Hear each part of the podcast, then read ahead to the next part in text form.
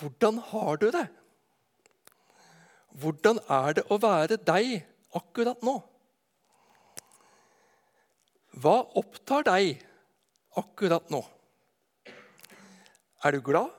Er du trygg? Er du tilfreds? Er du lett til sinns? Eller kjenner du på bekymring, utrygghet og er engstelig for det som ligger foran? Utad så ønsker det folk flest å signalisere kontroll, signalisere trygghet, og at den er ovenpå. Men iblant så kan vi skjule en annen virkelighet bakom fasaden. Her i Misjonshuset så ønsker vi å bygge en kultur og et fellesskap hvor vi kan være oss selv med hele oss. Det betyr ikke at alle skal vite alt om oss. Vi trenger å porsjonere ut hva vi deler med hvem. Men vi ønsker å være et fellesskap hvor vi kan være åpne og ærlige, dele gleder og smerter, forventninger og bekymringer, og oppleve å bli tålt, bli verdsatt, sett og tatt vare på. Vi skal straks lese sammen fra Lukasevangeliet kapittel 13, vers 22-30. Og Jeg kan ikke forutse hvordan det vil lande i deg, men jeg vil si før jeg leser, at dette er Guds ord til oss også i dag, som til alle tider fra det ble delt første gang. Dette sier oss noe om oss og noe om Jesus. Og ordene er båret av en bønn og et ønske om at vi skal Nå får jeg konkurranse her! Hvis du allerede vet hvordan du bruker voiceover, trykker Og ordene er båret av en bønn og et ønske om at vi skal leve godt og sant og ekte med Gud vår Far og Jesus vår bror. Kanskje har du regna deg som en kristen hele livet. Kanskje er du usikker på hva du skal tro. Kanskje er du her for å prøve å finne ut Prøve å bli kjent med den kristne tro, men du har ikke tatt stilling til det ennå. Jeg kjenner ikke alle her, så jeg vet ikke. Men la oss lytte til Guds stemme når vi leser fra Lukas 13 så er ikke dette en eh, tekst med ord direkte fra Guds munn fra A til Å. Her er historiefortelling, her er spørsmål fra en fyr i kretsen rundt Jesus, og her er Jesus svar. Likevel så forholder vi oss til hele Bibelen som Guds ord. Det er gitt oss av Gud gjennom mennesker for å lære oss noe viktig og lede oss gjennom livets mange valg og hendelser. Og vi leser på reisen til Jerusalem dro Jesus fra by til by og fra landsby til landsby og underviste. Da var det en som spurte, 'Herre, er det få som blir frelst?' Han sa til dem, 'Kjemp for å komme inn gjennom den trange døren.' For jeg sier dere, mange skal forsøke å komme inn, men ikke klare det. Når husherren først har reist seg og lukket døren, og dere blir stående utenfor og banke på og sier, 'Herre, lukk opp for oss.' Da skal han svare, 'Jeg vet ikke hvor dere er fra.' Da vil dere si, 'Vi har jo spist og drukket sammen med deg,' og, har, og du har undervist på gatene våre.' Men han skal svare, 'Jeg vet ikke hvor dere er fra.' Bort fra meg, alle dere som gjør urett. Der skal dere gråte og skjære tenner når dere ser Abraham og Isak og Jakob og alle profetene i Guds rike mens dere selv blir kastet utenfor. Fra øst og vest og fra nord og sør skal mennesker komme og sitte til bords i Guds rike. Da skal noen som er de siste, noen som er de siste bli de første, og noen som er de første, bli de siste. Slik lyder Herrens ord. Slike ord vekker følelser i meg. Og det er ikke umiddelbart de gode og lette og behagelige følelsene. Her er det alvor. Her er det mye som står på spill. Her står det 'mellom himmel og helvete' uten at de ordene er brukt. Innenfor eller utenfor Guds rike. Hvem vil ikke være innafor? Om mennesker i hele tatt er villig til å tenke på noe liv etter døden, så vil jo alle til himmelen. Det er ingen som vil være i en tilværelse hvor en gråter og skjærer tenner. Et uttrykk for å ha det forferdelig vondt. Vi hopper her inn i Lukasevangeliet med en reisebeskrivelse. Jesus drar fra by til by, fra landsby til landsby og underviser. Samtidig så er han på vei til Jerusalem. Hele Jesu voksne jordeliv handlet om å vise og forklare hvem han var, og hva han var kommet for å gjøre. Jesus forkynte og underviste for å vise at han er den Messias profetene hadde profetert om at skulle komme og frelse menneskeheten. Alle som ville tro og ta imot. Alle underne og miraklene skulle vise at han var sendt av Gud. Han var Gud. Han er Gud. Og Jesus forklarte budene og reglene som de religiøse var så opptatt av. Han forklarte dem inn til deres kjerne og rot. At det ikke handlet primært om hva de skulle og ikke skulle gjøre, men hele menneskets innstilling, holdning, mentalitet og hjerteforhold til seg selv, til mennesker rundt seg, til tingene og til Gud. Jesus forklarte budenes kjerne og hensikt på en slik måte at de som var ærlige med sine liv, måtte erkjenne at de maktet ikke å etterleve budene. Dette var del én av hensikten med Jesu forkynnelse og undervisning. Å vise folk da, og deg og meg nå, at jeg fikser det ikke sjøl. Jeg makter ikke å leve slik jeg bør, og slik som jeg innser er rett og godt. Det er ikke stoff i meg til å leve godt 100% Jeg kan gjøre gode ting mot andre. Jeg kan være omsorgsfull, og jeg kan være samvittighetsfull og omtenksom. Jeg kan kildesortere søpla, handle rettferdige varer, handle mer brukt og spise mindre kjøtt, kutte ut bilkjøring og la være å reise med fly for å ta vare på miljøet for kommende generasjoner, bare for å ta noen eksempler. Jeg kan gjøre det hvis jeg virkelig vil. Men hvor mye vil jeg egentlig? Hvis vi er villige til å ta dette inn over oss, så kjenner vi på noen krevende dilemmaer mellom min egen frihet til å gjøre det som behager meg, og til å ta hensyn til andre mennesker som befinner seg på andre steder på kloden og kommende generasjoner. Det dilemmaet, det ubehaget, kan være en indikator for å vise oss hvor vi er i forhold til Guds vilje med våre liv. Vi kan bøye og vende på Guds bud og regler på en slik måte at vi med godvilje klarer oss ganske godt. Så vi framstår som ganske ålreite, pliktoppfyllende mennesker. Men det blir fort en fasade.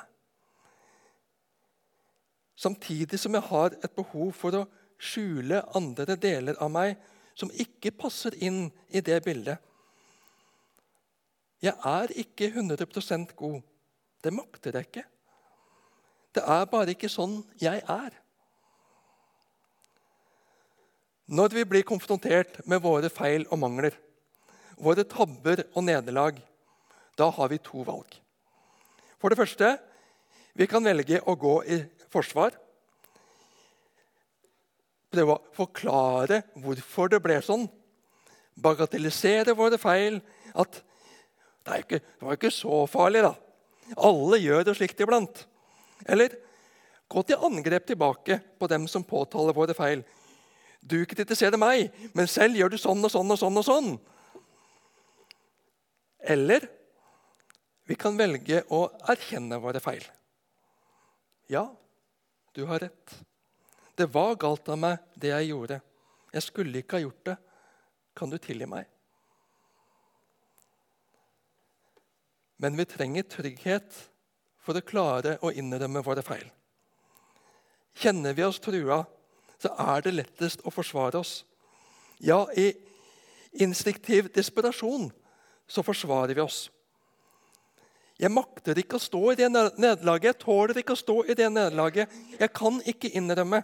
Jeg benekter alt, selv om jeg egentlig vet bedre. Eller om det er mulig, eller om det ikke er mulig, bagatelliserer vi det bort, bortforklarer. Så det står etter. Men det gir ingen god følelse. Jeg blir ikke kvitt det. Det blir en vond klump som ligger der. En skamfølelse kanskje, som jeg undertrykker. Og det suger energi. Det gjør at jeg føler meg liten. Det gjør at jeg føler meg ensom, aleine. Jesus reiser fra by til by. Han helbreder syke. Han løfter opp de som blir uglesett av samfunnet rundt dem. Han viser omsorg til de som stemples som syndere og avskum. Og han påtaler religiøst snobberi og selvgodhet og selvrettferdighet. Jesus viser at han vil folk vel. Han vil ikke fordømme, han vil ikke avvise. Jesus sier, 'Tro på Gud og tro på meg'. Og Det er del to av hensikten med Jesu undervisning.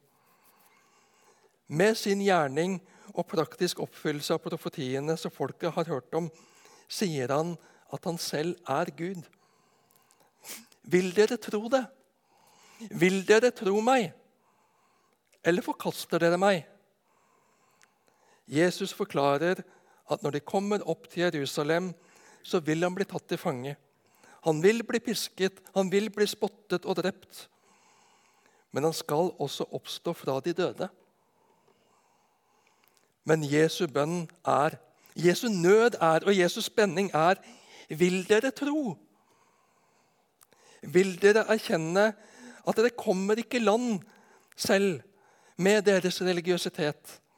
Dere kommer ikke i land med deres fromme, flotte liv. Vil dere erkjenne at dere trenger hjelp? Vil dere erkjenne at dere trenger frelse utenfra dere selv? Vil dere ta imot frel min frelse for dere? Vil dere ta imot det jeg er i ferd med å gi dere? Eller vil dere forakte det, gjøre vrak på det og pukke på deres egen vei? Inn i den tematikken er det en som spør Jesus mens de er på vandring opp til Jerusalem og Jesus underviser der han kommer. En spør, 'Herre, er det få som blir frelst. Og Jesus svarer ham og de som er rundt, kjemp for å komme inn gjennom den trange døren, for jeg sier dere, mange skal forsøke å komme inn, men ikke klare det. Jesus taler i bilder.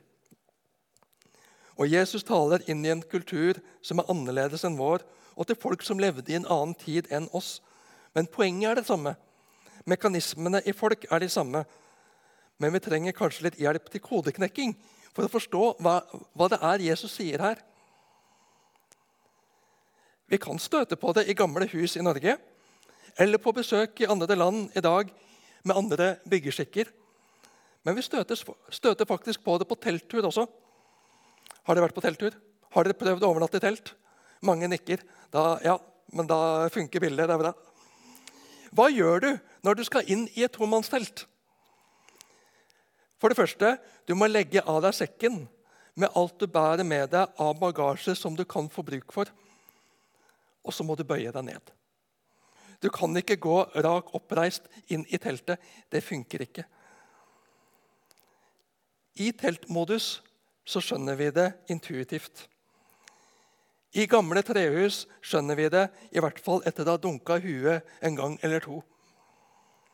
Men i møte med egen stahet og stolthets ønske om å fremstå best mulig i egne og andres, og kanskje også Guds øyne, så er det en kamp å legge av seg en CV og en merittliste, karakterer og alt en har vært med, gjort og fått til, som en har strevd for å oppnå. Legge det av seg og bøye seg. erkjenne egne feil, og at jeg ikke makter å komme inn og fram med alt det jeg ønsker å bære med meg og vise fram. Det er en kamp å legge det av og ikke tviholde på det. Det er en kamp. Det er ikke en kamp mot andre fordi det er begrensa antall plasser. Slettes ikke. Døra er ikke trang fordi Gud er gnien og ikke vil bygge den større. Døra er trang fordi det ikke vil være godt på den andre siden av døra. Om alle våre prestasjoner, alle våre falske krykker som vi fristes til å støtte oss til, alle våre spisse albuer for å komme oss frem, alt vi har og bruker for å fremstå som gode og prektige og konkurransedyktige. Ja, en vil helst framstå en smule bedre enn de andre. At jeg vet best, ja, bedre enn ham som har skapt meg og gitt meg livet. Døra er trang, for tilværelsen på andre sida vil forsures, ja, ødelegges, som jordelivet her, om vi får det med. Du og jeg må ta den kampen med alt i meg selv som fokuserer på meg og mitt. Vi kaller det egoismen. Og erkjenne at 'jeg fikser det ikke'. Jeg fortjener ikke å komme inn i Guds himmel. Derimot bøyer jeg meg i tillit til deg, Jesus, i avhengighet til deg. Det er på grunn av deg alene, Jesus, at jeg får komme inn i din himmel. Du har sonet min synd. Du har gjort opp for meg. Du har laget en plass til meg hjemme hos deg. Takk. Vi lever nå i den tid Jesus hvor Jesus har åpnet veien inn til Gud. Jesus har gjort opp for synden og ondskapen som menneskene slapp inn i verden. Jesus har gjennom sin lidelse, død og oppstandelse båret hva det onde fortjener og resulterer i. Jesus har oppfylt all rettferdighet. Gud kan ikke se mellom fingrene med det onde, med, det urettfer med urettferdighet, men Jesus har tatt omkostningene. Jesus har tatt straffen i vårt sted. På det grunnlag kan vi frikjennes og inviteres inn. Nå er innbydelsestiden. Nå er døra til Guds rike åpen. Vi kan spørre hvorfor gjør ikke Gud slutt på alt onde? Jo, en dag så skal han gjøre det. Men han ønsker å få med flest mulig inn i sitt rike. Han ønsker å fri flest mulig fra ondskapen og ondskapens evige konsekvenser. Invitasjonen er ute. Døra er åpen, men en dag skal den bli lukket, og da er det endelig. Da er det ikke flere sjanser.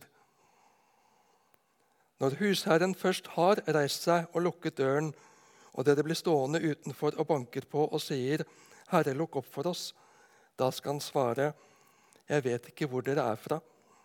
Da vil dere si, 'Vi har jo spist og drukket sammen med deg, og du har undervist på gatene våre.' Men han skal svare, 'Jeg vet ikke hvor dere er fra. Bort fra meg, alle dere som gjør urett.' Der skal dere gråte og skjære tenner når dere ser Abraham og Isak og Jakob og alle profetene i Guds rike, mens dere selv ble kastet utenfor. Ja, men du kjenner jo oss, Jesus. Jeg har jo jobbet i misjon, sa Manne. Jeg har gått på MUF, til og med vært i tjeneste. Jeg kjenner dere ikke. Jeg vet ikke hvor dere er fra. Jødene, som mange andre folk på kloden, er opptatt av slektstre, hvor de kommer fra. Når jeg blir spurt hvor jeg kommer ifra, så holder det ikke å si at jeg kommer fra Nedenes vest for Arendal, hvor jeg bodde fra jeg var åtte til jeg flytta ut til Oslo for å studere. Dialekten stemmer ikke med Arendal. så Derfor må jeg ta med også at de første åra var på Ås i Akershus. Og noen ganger så må jeg ta med Oppdal i Trøndelag, der farsslekta kommer ifra. For folk stusser på det Vorhaug-navnet, hvor det kommer ifra. Jeg vet ikke hvor dere er fra. Hvor er du fra? Om du har ambisjoner om å komme inn i himmelen, om du har ambisjoner om å komme inn i Guds rike, er det avgjørende hvor du er fra. Ikke hvilket land du kommer fra, ikke hvor i Norge du kommer fra heller. Ikke hvilken familie og slektsnavn du bærer heller. Men hvor er du fra i betydningen hva har du å vise til? Viser vi til at vi har tjent Gud gjennom tjeneste i menighet, gjennom miljøvern, gjennom veldedighet, gjennom hardt arbeid, at vi har vært pliktoppfyllende og omsorgsfulle, har en flott fasade og et godt rykte? Det er absolutt til glede, alt dette her for våre omgivelser og mennesker rundt oss. At vi gjør godt, at vi er omsorgsfulle. Fortsett med det. Men det makter ikke å bære oss inn i himmelen. En himmel hvor alt mitt fikk plass, ville ikke være bedre enn den verden som vi lever i i dag. Himmelen er en helt ny start. Guds rike er en helt ny start. En helt ny tilværelse hvor ikke noe ondt, ikke noe egoistisk, ikke noe halvveis eller blande motiver kan ha noen plass. Der er det Guds fullkomne godhet og rettferdighet som er enerådende og skal være det i evighet. Der ingen misunnelse, ingen fortrinn på bekostning av andre har noen plass. Der det er godt for alle å være alltid, uansett. Det er Guds standard. Det er Guds vesen. Det er Guds himmel. Det er Guds rike. Hvilket opprinnelse, hvilket opphav er det Gud kjennes ved og slipper inn i sitt rike? De som har lagt av seg alt de selv har prestert og selv har å vise til. De som har erkjent sin synd og bedt Jesu tilgivelse inn i sine liv. De som har tatt imot Jesus som sin frelser og herre. Dem kjenner Gud. De er hans folk. De er Guds barn. De hører hjemme i Guds rike. De har ingenting å frykte. Fremtiden er trygg hjemme hos Gud, vår Far. Fra øst og vest og fra nord og sør skal mennesker komme og sitte til bords i Guds rike. Da skal noen som er de siste, bli de første, og noen som er de første, bli de siste. Det handler ikke om nasjonalitet eller etnisitet. Guds rike skal befolkes av mennesker fra alle himmelretninger, alle folk, alle slags folk. Og vi skal få sitte til bords i Guds rike. Nyte fellesskap, trives, være trygg, høre til. Vi kan lett fristes til å rangere folk. Fromme og mindre fromme, vellykkede og mindre vellykkede. Slike målestokker og rangeringer finnes ikke hos Gud. Det som betyr noe, ja, som er helt avgjørende, er om vi har tatt imot Jesus som Herre og som Frelser. Amen.